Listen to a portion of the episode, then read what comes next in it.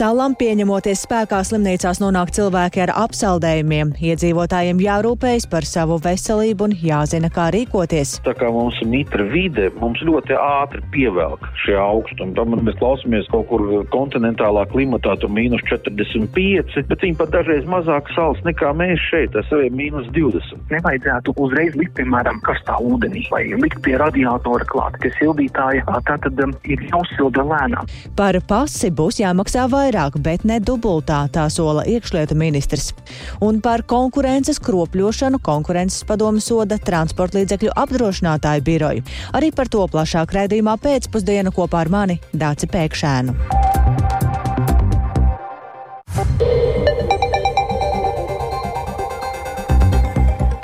16 un 5 minūtes, un tas ir laiks, kad jau to daļu raidījumā pēcpusdiena plašāk skaidrosim šīs dienas, 3. janvāra būtiskākos notikumus. Studijā Dāca Pēkšēna, esiet sveicināti!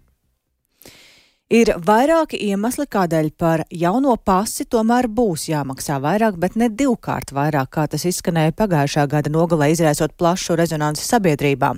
Tā šodien Saimas pieprasījuma komisijas sēdē teica iekšlietu ministrs Rihards Kozlauskas no jaunās vienotības. Esot vēl vairākas problēmas, kas tiekot risinātas saistībā ar personas dokumentu izdošanu, un par tām tad vairāk Jāņa Kīņš ierakstā. Latvijā obligāts personu apliecinošs dokuments ir elektroniskā identifikācijas karte. Pase vajadzīga ceļojot ārpus Eiropas Savienības vai uz tā dēvētajām trešajām valstīm. No 12. februāra plānots laist klajā jaunu parauga pases ar jauniem drošības risinājumiem. Decembrī izskanēja, ka nodeve par pasu izsniegšanu varētu pieaugt no 30 līdz 60 eiro, bet bērniem un personām ar atvieglojumiem nodeva būtu 30 eiro tagadējo 15 eiro vietā. Apvienotā saraksta deputāti pieprasījumā iekšlietu ministram Rihardam Kozlovskim no jaunās vienotības pauda, ka tas būtu nesamērīgi un prasīja skaidrot, kā radies tik būtisks nodevas palielinājums. Turpina apvienotā saraksta frakcijas vadītājs Edgars Tavars. Ņemot vērā arī mūsu ekonomikas, gan inflācijas, gan straujo cenu kāpumu, protams, nu virsmērķis ir tas, lai galu galā šādas nodevas apmērs vismaz šādos straujos tempos noteikti netiktu veicināts. Pilsonības un migrācijas lietu pārvalde iekšlietu ministra uzdevumā pašlaik pārreķina personas dokumentu izsniegšanas nodevas izmaiņas. Pārvaldē papildu finansējums ir vajadzīgs būtisku ikdienas uzdevumu veikšanai. Pirmkārt, novecojušas pasu un ID karšu noformēšanas sistēmas atjaunošanai. Tāpat dārgāks kļūst arī licences e-parakstam, ko lietotājs bez maksas var lietot, saņemot ID karti. Papildu finansējumu tam cer rast gan nākamā gada valsts budžetā, gan arī iespējās apgūt Eiropas Savienības fondu līdzekļus. Taču daļu naudas novirzīt arī no lielākas nodevas par personas dokumentiem, skaidro Kozlovskis. Mums ir jānodrošina bezmaksas paraksts ID kartēm. Tas ir jāmaksā PMLP. Attiecīgi, līdzīgi arī, kā es teicu, ja šī persona apliecinoša dokumentu sistēma nobruks, tad uh, vispār nebūs ne pasu, ne dīkāršu. Tas arī maksā, to arī pavēlt nedot. Un tas ir tas jautājums, pie kura mēs strādājam. Gūstot skaidrību par šo rīku finansējumu iespējām, varēs arī noteikt, cik strauji būs jāceļ nodeva par personas dokumentu sagatavošanu. Plašu rezonanci guvušo pases nodevas dubultošanu nepieļaušot, taču vienlaikus pašlaik Latvijā izmaksas par personas dokumentu sagatavošanu ir jaunākās Baltijas valstīs, piebilst iekšlietu ministrs. Es ļoti labi apzinos, ko nozīmē nu, šis uh, dubultais palielinājums, kas izskanēja, bet tāpēc vēlreiz es gribu pateikt, pašlaik tam nu, tādu juridisku segumu nav. Mēs pie tā strādājam. Vēl mums ir personas, kuras saņem atvieglojumu. Līdz ar to skaidrs, ka par šīm personām maksā kaut tās personas, kuras nesaņem atvieglojumu. Tāpēc pateikt, nu, ka pasis nepaliks dārgāks, es nevaru šodien. Jā, visticamāk, cena varētu pieaugt, bet mēs darām visu, lai tas nebūtu kā sākotnēji izskanēja dubultā. Kozlovskis dokumentu izsniegšanas nodevas izmaiņas sola komentēt jaunadēļ. Pēcāk gala lēmums par nodevas izmaiņām no februāra būs jāpieņem valdībai. Jānis Kincis, Latvijas Radio. No Latvijas varētu izraidīt vairāk nekā 1200 Krievijas pilsoņu, kuru uzturēšanās atļaujas no šodienas vairs nav derīgas. Šomēnes viņiem nosūtīs informatīvu vēstuli par izceļošanas termiņu un to, ka šajā laikā vēl var pieprasīt dokumentus, lai šādu atļauju tomēr saņemtu, ja tam ir likumisks pamats. Nav gan zināms, cik cilvēku varētu patiešām nonākt līdz piespiedu izraidīšanai, bet kādas būs turpmākās darbības ar šiem Krievijas pilsoņiem, to stāsta iekšlietu ministrs Rihards Kozlovskis no jaunās vienotības. Kas būtu jāsaprot, vai šīs personas daļa no viņām vismaz nav izbraukusi jau. Viens ir izbraukšana caur ārējo robežu no Latvijas, proti, uz trešām valstīm, ko mēs varam konstatēt, bet tikpat labi jautājums, vai viņām nav iespēja uzturēties kādā citā dalību valstī un līdz ar to arī, protams, Schengen zonā. Es gribētu teikt, ka mēs neplānojam atjaunot daļu tā pilnu kontroli uz Schengenas robežu. Tāpēc tas ir pirmais, kas jāapzinās, cik personas ir to darījis. Attiecīgi, nosūtot, protams, atkal šīm atzināmajām, vismaz pēdējām deklarētajām dzīvesvietām, kur viņas būtu sastopamas. Imigrācijas kontrole skaidrs, ka veiks arī valsts robežsardze. Un šie lēmumi atkal savukārt, protams, ir pārsūdzami administratīvā tiesā. Kāpēc viņi varbūt nepiekrīt, kāpēc viņiem ir atteikums no pilsonības migrācijas lietu. Un katrs šis gadījums, protams, atkal tiek vērtēts individuāli, nu, arī tiesā. Tas nozīmē, ka katrs, visticamāk, katra šī persona prasīs laiku, nu, izējot šo ciklu. Nu, gala rezultāts, protams, ja visas tiesas spriedumi ir negatīvi. Nu, Pēdējā teikt, darbība ir piespiedu izraidīšana. Līdz ar to par skaitļiem es vēl šodien atturētos precīzi runāt. Tas, manuprāt, tas būs ziniet, tāds darba process, kas zināmā mērā nu, saistās ar tādu nu, nenoteiktību, lai mēs varētu precizēt šo skaitli. Tā iekšlietu ministrs Rihards Kozlovskis no jaunās vienotības par procesu, kurš savā ziņā vēl ir tikai sācies uzturēšanās atļaujām kļūstot nederīgām. Bet notikuma attīstība ir kādā citā lietā. Pēc tam, kad konkurences padome secinājusi, ka desmit gadus OCTA pārvaldītājs jeb Latvijas transporta līdzekļu apdrošinātāja birojas ir kavējis tirgus paplašināšanos, tā noteikusi 336 tūkstošu eiro sodu par konkurences kropļošanu. Tas ir samazināts sods, kas biedrībai būs jāmaksā, jo tā savu vainu šajā pārkāpumā atzinusi un lēmumu sola nepārsūdzēt. Un tas ir saistīts ar maksājumu, kas biedriem bija jāmaksā, iestājoties biedrībā, bet eh, savukārt nesot šajā octa. Mm, šajā biedrībā octa tirgu darboties nemaz nevar. Un ko tas un vai mainīs octa polišu cenās, to vaicāsim transporta līdzekļu apdrošinātāju biroja valdes priekšsēdētājam Jānim Abašinam. Labdien! Jā, labdien! Vispirms par eh, šīs lietas pašu būtību, tā pavisam īsi no jūsu puses eh, problēmas esamību tad esat atzinuši, kādēļ, lai to novērstu, bija vajadzīgs konkurences padomas lēmums, bet nerīkojāties, eh, nu, lai šāda situācija vispār neizveidotos. Nu, būtībā jā, tā ir mazliet mūsu kļūda, ka mēs to momentu nogulējām, var teikt, nogulējām to mirkli, kurā mēs no parastas biedrības kļuvām par biedrību, kura pilda valsts deleģēto uzdevumu. Un tikko biedrība pilda valsts deleģēto uzdevumu, tāda sarežģīta lieta, uh, tad attiecīgi ir mazliet cita likumdošana. Tā kā mēs būtībā esam vainīgi tajā mirklī, tajā ziņā, ka mēs nogulējām to momentu, kad mēs ar augstākās tiesas senāta lēmumu kļuvām par šo biedrību, kurai šīs funkcijas deleģētas. Citādi šī iestāšanās maksas sistēma eksistējusi bija 18 gadus, un būtībā gan regulātoram, gan finanšu ministrijai, gan visiem citiem tā sistēma bija 18 gadus likusies ok. Tā, kā, nu, jā, tā ir mazliet mūsu vaina. Jā, tas nozīmē, ka, tas nozīmē, ka tajā brīdī, tad, kad kļuvāt par biedrību, kas pilda valsts pa pasūtījumu, tad vairs jūs nevarējāt šīs biedru naudas iekasēt. Es pareizi saprotu. Jā. Tieši tā, tieši tā. Labi, bet tagad šī soda nauda tomēr ir. Kā jūs plānojat to nosakt? Mēs to plānojam nosegt ar biedru iemaksām, jo mēs esam biedrība, kura tiek finansēta ar biedru iemaksām. Kā, respektīvi, mūsu deviņi, mūsu dalībnieki, mūsu biedri arī sametīs mums šo, šo naudu, lai mēs varētu šo summu konkurences padomē nomaksāt. Tas nozīmē, ka šajā gadā šīs biedru naudas arī būs lielākas. Jā, biedriem, tiem mūsu biedriem, kam, eh, nu jā, visiem mūsu biedriem būtībā biedra naudas šī gadā būs mazliet lielākas. Jā. Un tad uzreiz ir ķēdīts tālāk, kā tas savukārt ietekmēs octa polišu cenas, vai tas nozīmē, ka arī autovadītājiem ir jārēķinās, ka būs jāšķirs no lielākas summas? Ar to automātiski autovadītājiem pilnīgi noteikti jārēķinās nav. Jo, ja mēs tā paskatāmies tīri matemātiski, Latvijā gadā tiek izdots ap diviem miljoniem OCTA polišu. Ja mēs šo summu, pa kuru mēs izlīgstam ar konkurences padomu, izdalām uz šiem aptuveni diviem miljoniem vai pār pa diviem miljoniem, tad uz vienu polisi tie sanāk 15, 16, 17 centi.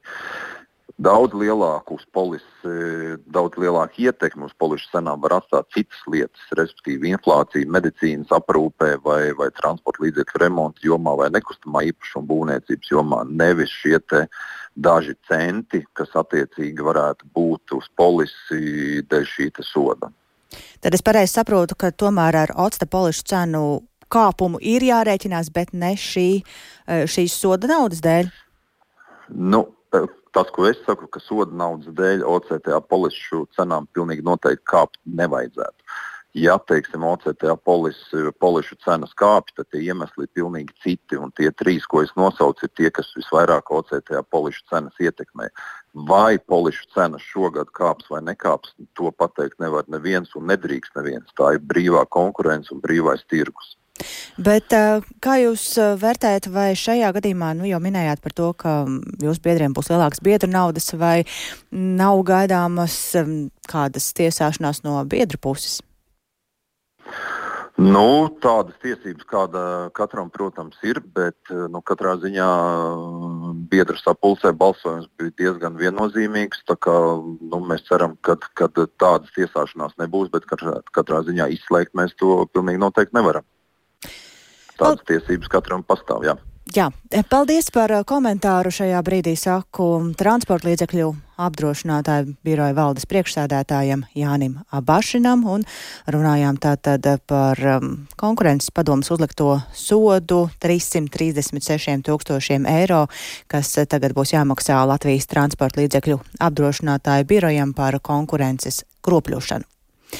Tikmēr pārkāpumi Rīgas domas satiksmes departamenta skandālā par ielu remontiem nav konstatēti. It kā nelikumīgi iztērēti vairāk miljonu eiro, par kuriem iepriekš runāja, nav apstiprinājušies un tāpēc kriminālu procesu nesāks. Tāpēc piecu mēnešu pārbaudas secina korupcijas novēršanas un apkarošanas birojas. Tiesa, departamentā konstatēti dažādi trūkumi, kurus Rīgas doma taisās novērst, un tā šodien ir vēstījusi pilsētas vadība. Savukārt domas opozīcija arī biedrība, kas novēroja departamenta disciplināru lietas izmeklēšanu un arī politikas ekspertu uz knābu lēmumu raugās skeptiski, to pat arī kritizējot un par visu vairāk tad Viktora Demīdova ierakstā.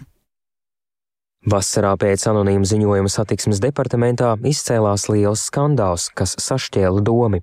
Ziņotājs toreiz norādīja uz miljoniem eiro vērtiem pārkāpumiem ielu remontu organizēšanā. Tos konstatēja arī dienesta pārbaudē. Tāpēc pret divām augstām amatpersonām sāka disciplināru lietu. Sākumā to pētīja Rīgas izpildirektora padomnieks, kurš pirms tam pārkāpumus konstatēja, taču vēlāk doma nobalsoja par speciālu komisiju, kas vēlāk darbu pārņēma, jo bija bažas par interešu konfliktu. Pārkāpumus komisija nefiksēja. Tos neatklāja arī vēlāk veiktajā auditā. Paralēli tam piecus mēnešus lietu pārbaudīja korupcijas novēršanas un apkarošanas birojas, kas arī pārkāpumus nenovēroja. Viņi nav secinājuši, ka departamentā kāds būtu darbojies ļaunprātīgi, tīši vai neapzināti veicis nekvalitatīvu darbu, turpina biroja pārstāve Paula Vilsone Milaševiča. Knapa kompetencē nav vērtēt naudas liederīgu vai saimniecisku izlietošanu. Knapa kompetencē ir vērtēt vai iespējams ir veiktas kādas ar korupciju saistītas noziedzīgas darbības. Un šajā gadījumā KNAB nekonstatēja kādas darbības, kas būtu atbilstošas krimināla likuma normām un attiecīgi būtu nepieciešams uzsākt kriminālu procesu. Tiesa Knab ir saskatījis iespējamos trūkumus normatīvo aktu ievērošanā ceļu remontu jomā. Informāciju viņi ir pārsūtījuši Būvniecības valsts kontrolas birojam. Pilsētas vadība trūkumus sola novērst divu mēnešu laikā. Vienlaikus Rīgas mērs Vilnis Čirsis no jaunās vienotības šodien norādīja, ka turpmāk sarežģītas disciplināra lietas veidos komisijas, nevis izvērtēšanu veiks viens cilvēks, kā tas bija satiksmes departamenta gadījumā. Šī politiskā brēka, kur ilgi viens vasaras garumā ir beigusies, tagad redzam, ka visi šie skaļie apgalvojumi, viss ar ko mētājās kolēģi, ir absolūti un pilnīgi nepamatoti. Bet skaidrs, ka nu, tam visam ir sekas netika vasarā veikta virkne remonta darbu, par kuriem īstenībā tieši šobrīd ienāk vislielākās sūdzības, ka tur jau atpūsnim e, sākoties veidojās bedres, avārijas situācijas. Un šobrīd tas maksā dārgāk, jo šobrīd jau tas ir jāveic ar citām metodēm, kuras ir dārgākas un kuras nav tik e, noturīgas. Skandāla dēļ vasarā nomata atkāpās mērs Mārtiņš Staķis no frakcijas progresīvie, kurš knabu lēmumam iebilst. Latvijas radio viņš teica, ka biroja argumenti nav saprotami un tie ir pat pavirši. Knabi ļoti daudz atsaucās uz disciplināru lietas eh, komisijas lēmumiem, taču atceramies, ka disciplināru lietas komisijai bija diezgan mazs laiks dots, lai vispār savu darbu veiktu. Knap daudz atsaucās uz Rīgas domas auditu un revīzijas pārvaldes secinājumiem, taču auditu un revīzijas pārvalde nevērtēja 2021. un 2022. gadu, kad eh, tika konstatēta pārkāpuma. Tā vērtēja 2023. gadu. Un visbeidzot, knaba, protams, vērtē, ir vai nav ierosināms krimināla process, taču tā nevērtē, ir vai nav pamatot ierosināt disciplināru lietu pret atbildīgiem darbiniekiem. Un arī šis jautājums līdz ar to nav atbildēts. Knaba lēmumu skeptiski vērtēja arī sabiedrība par atklātību Dēlna, kas novēroja satiksmes departamenta disciplināru lietas izmeklēšanu. Turpina biedrības direktore Inese Tauriņa. Mēs esam redzējuši arī vairākos citos gadījumos, kad Knaba patstāvīgi veicot kādu izmeklējošo darbu, nu, nespēja nonākt līdz tam lietas būtībai un tiešām aizdoties pie iespējamiem vainīgiem un veikt savas darbības. Tikai tad, ja kāda cita cita iestāde knabam ir iedevusi lietu, tad knabs aktīvi rīkojās. Sabiedrības uzticība korupcijas novēršanas un apkarošanas birojam nepalielinās, jo minētā lieta skatīta pārāk viegli un vienkāršoti, tā secina Rīgas Stradiņa universitātes profesore Ilga Kreituse. Knabs vispār pēdējā laikā ir ļoti labvēlīgs visiem, kuri tiek vainoti vai pret kuriem tiek izvirzīts pretenzijas par kādiem materiālajiem pārkāpumiem. No knaba darba puses kaut kā šī uzvedība vai šī attieksme, jeb šie izmeklējumi eh, vienmēr nezinu, kāpēc aiziet par labu tiem, kuriem tiek teikts, ka viņi kaut ko ne tā ir izdarījuši. Tas arī rada cilvēkos zināmas pārdomas, it īpaši tad, ja tas netiek pilnīgi pamatots un komentēts. Lai gan Staķis uzskata, ka knaba lēmums pilsētā ir jāpārsūdz prokuratūrā, domas juridiskā pārvalde pamatu tam nesaskata. Viktors Demidovs, Latvijas radio. Kā pasargāt sevi salam pieņemoties spēkā un kā ir sākusies sezona mūsu labākajai tenisistei, tie ir tikai daži no tematiem, par ko runāsim raidījuma pēcpusdienu turpinājumā.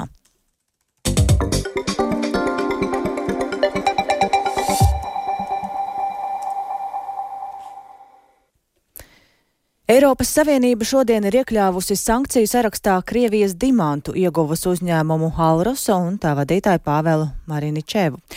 Šīs sankcijas papildina šonadēļ spēkā stājušos aizliegumu Eiropas Savienībā ievest Krievijas dimantus. Lēmums par uzņēmuma Alros iekļaušanu tā dēvētajā melnā sarakstā tiek pamatots ar to, ka tas Krievijā kontrolē 90% no šī ienesīgā tirgus nišas, kas valstī dod ievērojams ienākumus.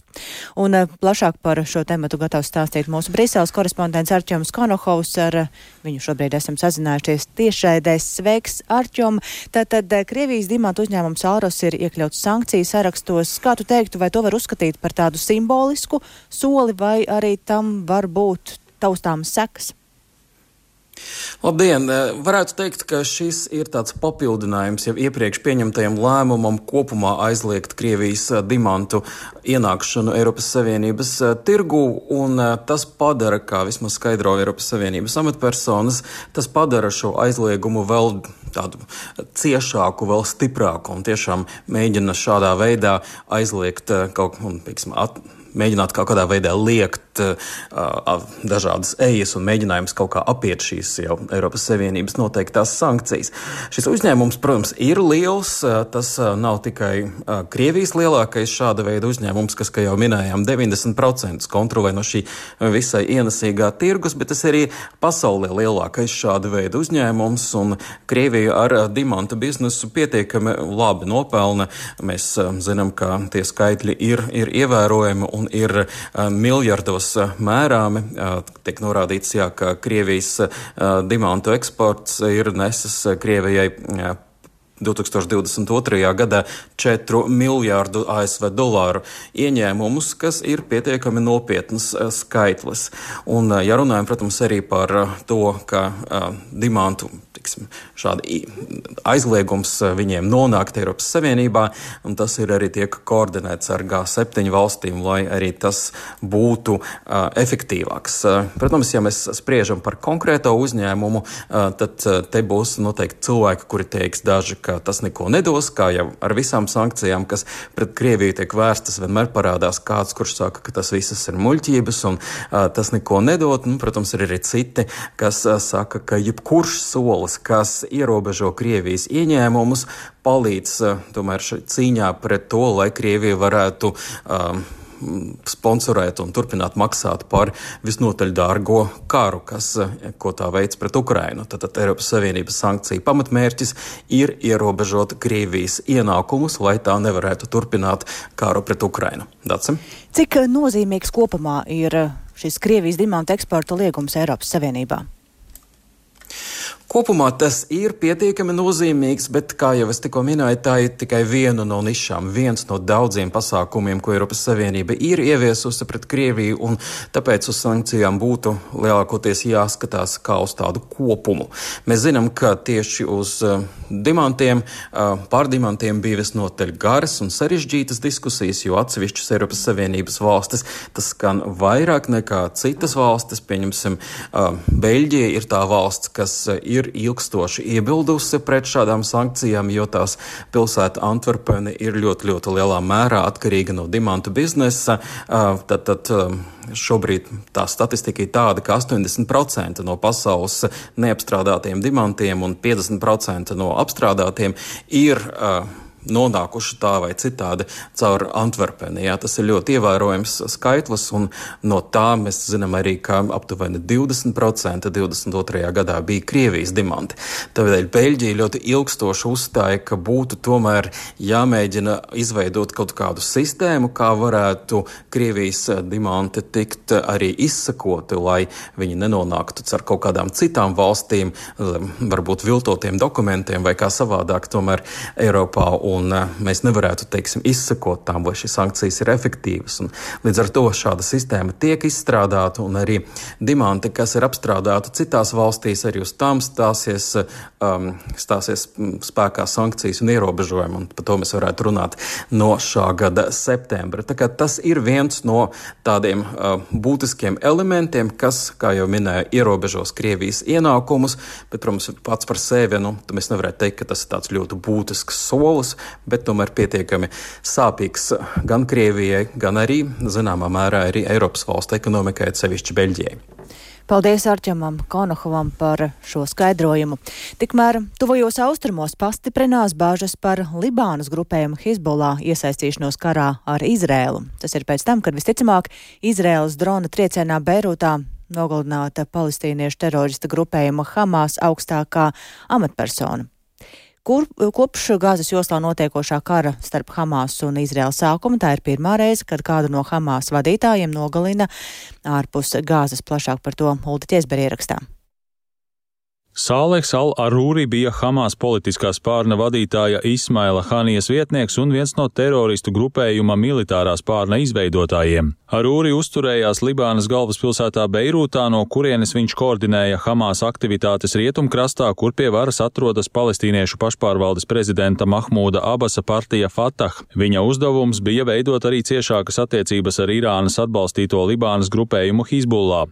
Vēl pirms 7. oktobrī notikušā Hamas teroristu teroristu asiņainā iebrukumā Izraēlas teritorijā Izraēlas premjerministrs Benjamins Netanjahu bija piedraudējis likvidēt Arūri. Savukārt ASV pērn izsludināja 5 miljonu dolāru lielu atlīdzību par informāciju, kas ļautu viņu notvert. Arūri vakar atradās kādā daudzstāvu ēkā Beirūtā rajonā, ko kontrolē Hizbullah. Tajā brīdī ēkai trāpīja drons, kas nodarīja pamatīgus postījumus.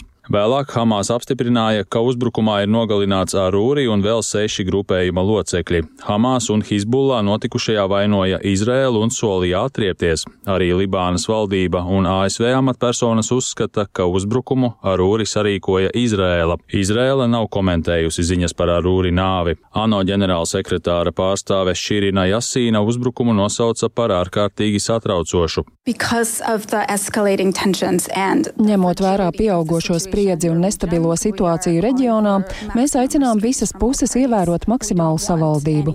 Mēs nevēlamies nekādas sasteigtas darbības, kas varētu izraisīt turpmāku vardarbību. Francijas prezidents Emmanuels Makrons vakar vakarā telefonu sarunā ar Izraēlas kara valdības locekli Beniju Gansu aicināja Izraēlu izvairīties no konflikta eskalācijas, jo īpaši Libānā.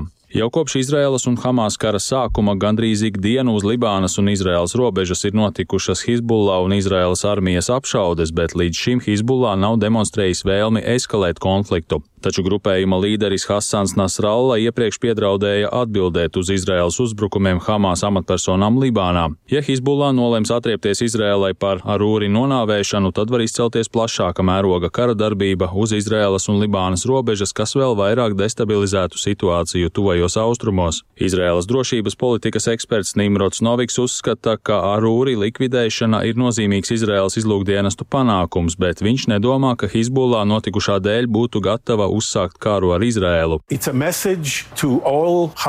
Tas ir brīdinājums visiem Hamas locekļiem, kuri ir atbildīgi par 7. oktobra zvērībām un citiem, ka Izraēlas garā roka viņus sasniegs. Hizbullah faktiski ir Irānas roka, tāpēc es nedomāju, ka Irāna vēlas izmantot savas milzīgās investīcijas Hizbullah izveidē, apbruņošanā, apmācīšanā un finansēšanā, lai atrieptos Izrēlai par augsta ranga Hamas locekļu noslapkavošanu. Irāna nosodīja Al-Arūri nonāvēšanu un paziņoja, ka tā apliecinot Izraēlas nespēju sasniegt savus mērķus karā pret Hamas. Uldis Česberis, Latvijas radio. Atgriežamies Latvijā, kur šīs dienas ir atnesušas lielu augstumu, un jaunā gada pirmajā nedēļā virs Latvijas atrodas augsta gaisa masa, kuras ietekmē saules nostiprinās, un diennakts tumšajās stundās vietām termometra stabiņš noslīd zem mīnus 20 grādiem, un tieši tāpēc arī Rīgas nakts patvērsmes šajā laikā ir atvērtas visu diennakti, nodrošinot gan siltu zupu, gan arī apģērbu. Bet mediķi savukārt atgādina, ka šādā laikā ir jāuzmanās, lai negūtu apsaldējumus, un vairāk par to, kā pasargāt sevi un nebūt vienaldzīgiem pret līdzcilvēkiem, par to Agnijas Lazdiņas ierakstā. Cilvēki ar apsaldējumiem esot bijuši jau pagājušajā gada nogalē pirms jaunā gada, tā norāda Rīgas Austrumu Kliniskās Universitātes slimnīcas valsts apdegumu centra vadītājs Sergejs Smirnovs. Tomēr šobrīd valsts apdegumu centrā ir divi cilvēki ar apdegumiem no nelabvēlīgas vides, kas iestājušies vakar, taču, kā norādīja centra vadītājs, abas personas diemžēl ir ieradušās par vēlu un apsaldētos kāju pirkstus nāksies amputēt. Smirnovs stāsta, ka visbiežāk cilvēkiem apsalst plaukstus un pēdas taču šādā laikā esot iespējams apsaldēt arī seju. Sākotnēji konkrētās ķermeņa daļas ir nejūtīgas, tāpēc cilvēki maldīgi mēdz domāt, ka viss ir pārgājis un ir kārtībā, taču realitātē problēma jau aizgājusi tālāk, un apsaldējuma dēļ ir skarti nervu gali. Pirmajā dienā apsaldētās vietas ir baltas un nejūtīgas, nākamajās pāris dienās jau kļūst pietūkušas, apsārtušas un sarkanīgas nokrāsas, taču tālāk jau pamazām krāsa kļūstot violeta un uz apsaldētajām vietām parādās pūšļi. Valsts apdeguma centra vadītājs Ministrs uzsver, ka visbiežāk iedzīvotāji iegūst apsaldējumus alkohola reibumā, tostarp arī ļoti šādā laikā jāuzmanās tiem cilvēkiem, kuriem ir dažādi jušanas traucējumi. No Latvijā, tā kā mums ir mitra vide, mums ļoti ātri pievelk šie augstumi. Tomēr mēs klausāmies kaut kur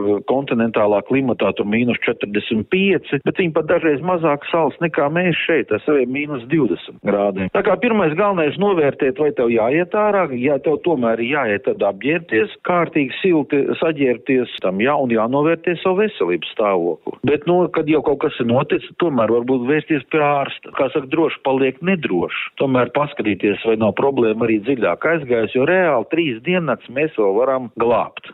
Arī neatliekamās medicīniskās palīdzības dienesta pirmās palīdzības eksperts un ārsta palīgs Miķelis Puķītis skaidro, ka pēc sajūtām augstums var šķist augstāks nekā tas patiesībā ir. Lietas, no kā izvairīties, nevajadzētu uzreiz likt, piemēram, karstā ūdenī vai likt pie radiatora klāt, pie sildītāja. Tā tad um, ir jāuzsilda lēnām, jāietina siltā apģērbā, siltā telpā, jā, lai tomēr no iekšpuses arī tas siltums tāds to asinsritu liktai, liktai vietai, kas iespējams ir apsaldēta tiek. Nekāda berzēšana, likšana karstumos, to to nē. Ja, bet um, tomēr ar apsaldējumiem es ieteiktu griezties valsts apdeguma centrā, lai novērtētu, cik slikti ir, jo apsaldējums, nu, ir situācijas, kad viņš nav viens, tad tomēr var būt kāda atgrišana arī klāt, jo, ja jau ir pirksti bijuši augstumā, ja vai kāda cita ķermeņa daļa, tad jau viss pārējais ķermenis arī ir bijis augstumā. Ja ārā temperatūra ir mazāka par mīnus 10 grādiem, tad arī nakts patversmes Rīgā atvērtas visu diennakti. Šādos laikapstākļos notiek bezpajumtnieku uzņemšana arī vieglā alkohola reibumā, izņemot nakts patversmi Mazjumpravas ielā 8. Kā skaidro Rīgas domas pārstāve Antra Gabre, vietu skaits Rīgas patversmēs kopumā ir 690. Janvāra pirmajās dienās tās izmantoja vairāk nekā 600 cilvēki, savukārt Pagājušajā gada decembrī Rīgā nakts patversmēs uzturējās vidēji 638 cilvēki. Šobrīd tas patversmju piepildījums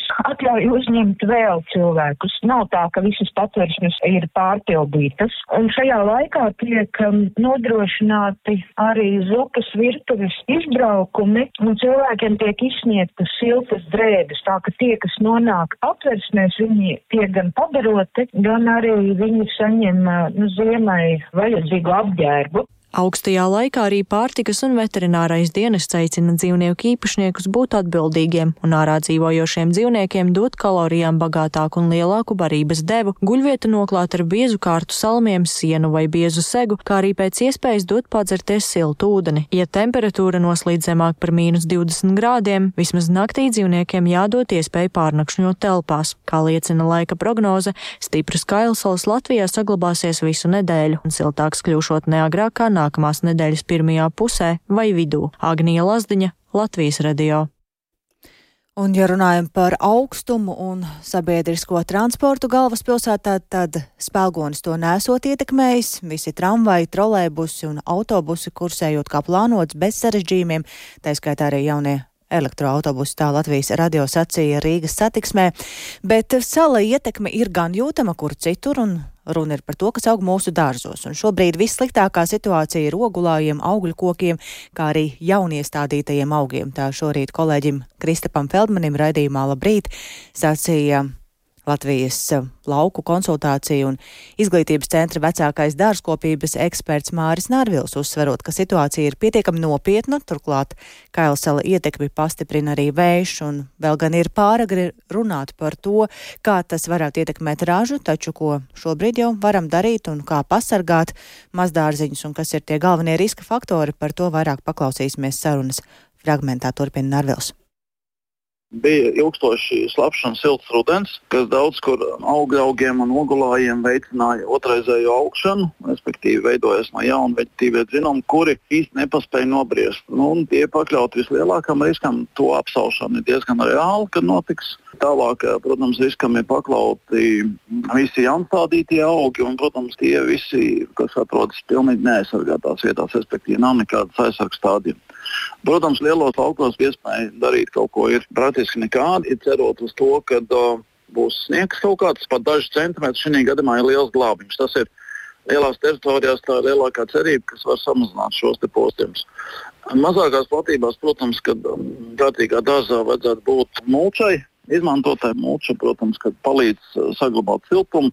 Šī gadījumā tas ir ļoti izšķirīgi, jā, jo plikā kailā zeme, protams, ka šobrīd strauji sasalst. Un saknes, kuras nav nostiprinājušās jauniem augiem, protams, ka var tikt saraustītas un galvenais, ka tā zeme izžāvēta un rezultātā auga var aiziet bojā. Tā kā ja ir iespējams kaut kādas krājumi, lapas rudenī savākts vai kāds, tad tas ir īstais laiks viņus likt lietā. Vēl nav par vēlu, var arī šobrīd vēl eh, doties.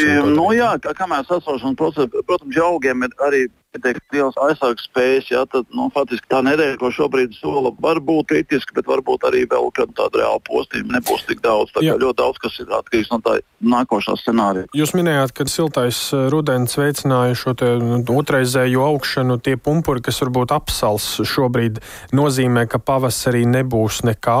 Pirmkārt, izšķirt tātad pumpurus, no kuriem aug veģetīvie dzinumi, tad, kociņš krūmiņš aug lielumā un plašumā, un ziedpumpuri, kas dod mums ražu. Jā. Tad eh, labums ir tas, ka vēl ir miera periods, vēl ir saka, ziemas pats vidus, jā, vēl miera periodi praktiski nav beigušies, un tā sala izturība ir jau pietiekami augsta. Protams, kad Jūtīgākās kultūras arī pēc šādas nedēļas var ciestiet. Parasti nu, tie ir kauliņkoki. Oglā ir izturīgāk, ābolu bumbieri arī izturīgāk. Ir.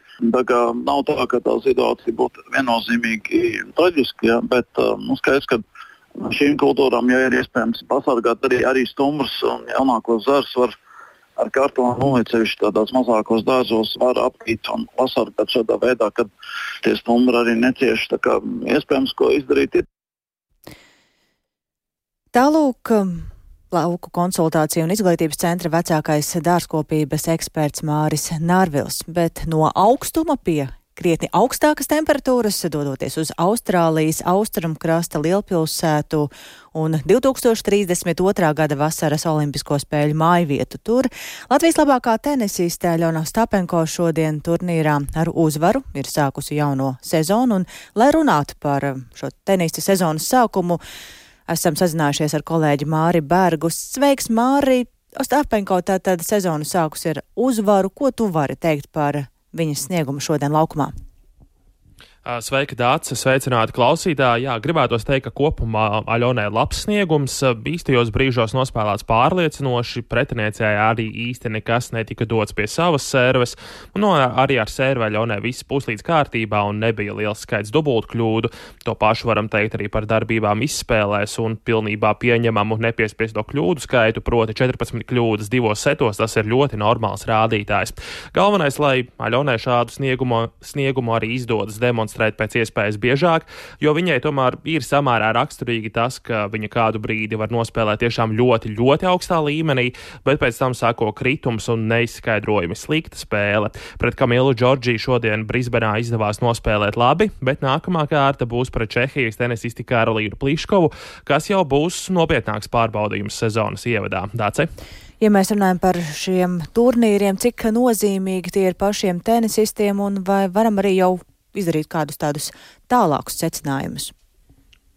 Jā, nu pašiem spēlētājiem šie pirmie turnīri, kas notiek Austrālijā, Jaunzēlandē, varbūt nav paši svarīgākie, bet tā tik un tā ir iespēja iesildīties pēc starpsezonas pauzes, ieskrieties, iegūt arī zināmu pārliecību, bet uh, pilnīgi visus elites tenisistus, tajā skaitā Ļonu, daudz vairāk interesē Austrālijas Open, kas sāksies pēc divām nedēļām.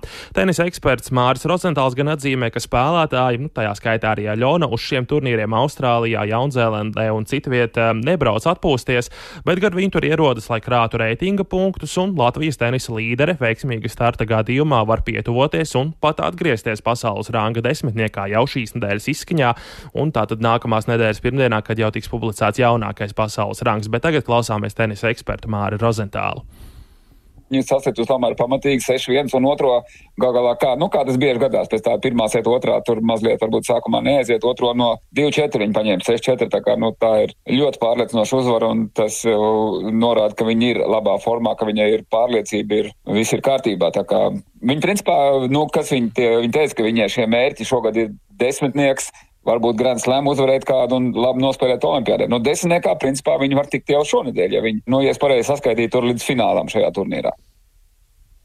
Jā, nu arī pati Aļona vienā no nesenajām intervijām Latvijas televīzijas raidījumā Sporta studija izteicās, ka viņa vēlas uzvarēt, un pagājušā gada veiksmīgais starts Austrālijā Open viņai iedevis labu atspērienu sezonas turpinājumam pērnu, un, protams, to viņa vēlas atkārtot arī šajā gadā. Klausāmies Aļono Stapenko gada sākumu labi nospēlēja Austrālijā, tur nu, no tā viss sākās. Man liekas, tas ir diezgan svarīgi nospēlēt gadu sākumā labi, lai saņemtu to pārliecību. Ir prieks, ka es biju ceturtdaļfinālā divos grēnslumos. Tas ir labs sasniegums, bet uh, priekš manis labs sasniegums ir tikai uzvarēt, protams. Man patīk uzvarēt, un man nepatīk zaudēt pusfinālā, ceturtdaļfinālā. Tālāk Aļona Stapenko par saviem rezultātiem pagājušajā gadā un, protams, arī zināmā mērā ieskicējot to, cik svarīgi viņai ir labi iesākt sezonu šajā tālajā valstī, Austrālijā, kur drīzumā sāksies arī sezonas pirmais Grand Slam. Dace? Māri, nu tādi citīgākie tenisa līdzjutēji jau savos kalendāros noteikti ir atzīmējuši būtiskākās lietas šajā gadā, bet visiem pārējiem varbūt tu vari palīdzēt mums salikt tādus atslēgus punktus šajā sezonā, kas tikko ir sākusies, kam mums būtu jāsako līdzi. Nu, pirmie lielie tenisa svētki ir jau pēc nepilnām divām nedēļām, kad Melburnā sāksies Austrālijas Open sezonas pirmais Grand Slam turnīrs. Un šogad tenisā būs ļoti, ļoti piesātināta vasara. 20. maijā sākas French Open sezonas otrais Grand Slam turnīrs. Tas, protams, kā ierasts Parīzē. Uzreiz pēc jāņem būs Wimbledona. Jūlija beigās tenisistiem jāatgriežas Parīzē uz Olimpiskajām spēlēm, kas tenisistiem arī ir pietiekami nozīmīgas. Bet augusta beigās US Open un pa vidu vēl ir virkne augstākās kategorijas, jeb tūkstošu punktu turnīru, kas spo sportistiem ļauj krāt punktus pasaules reitingā, tāpēc augstākā līmeņa tenisa šogad būs tiešām ļoti, ļoti daudz. Dace?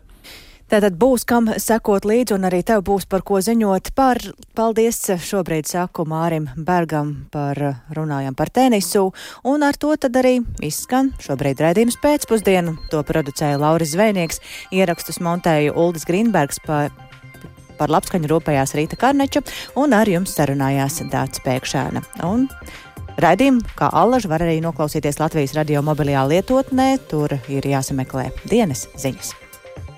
Yeah.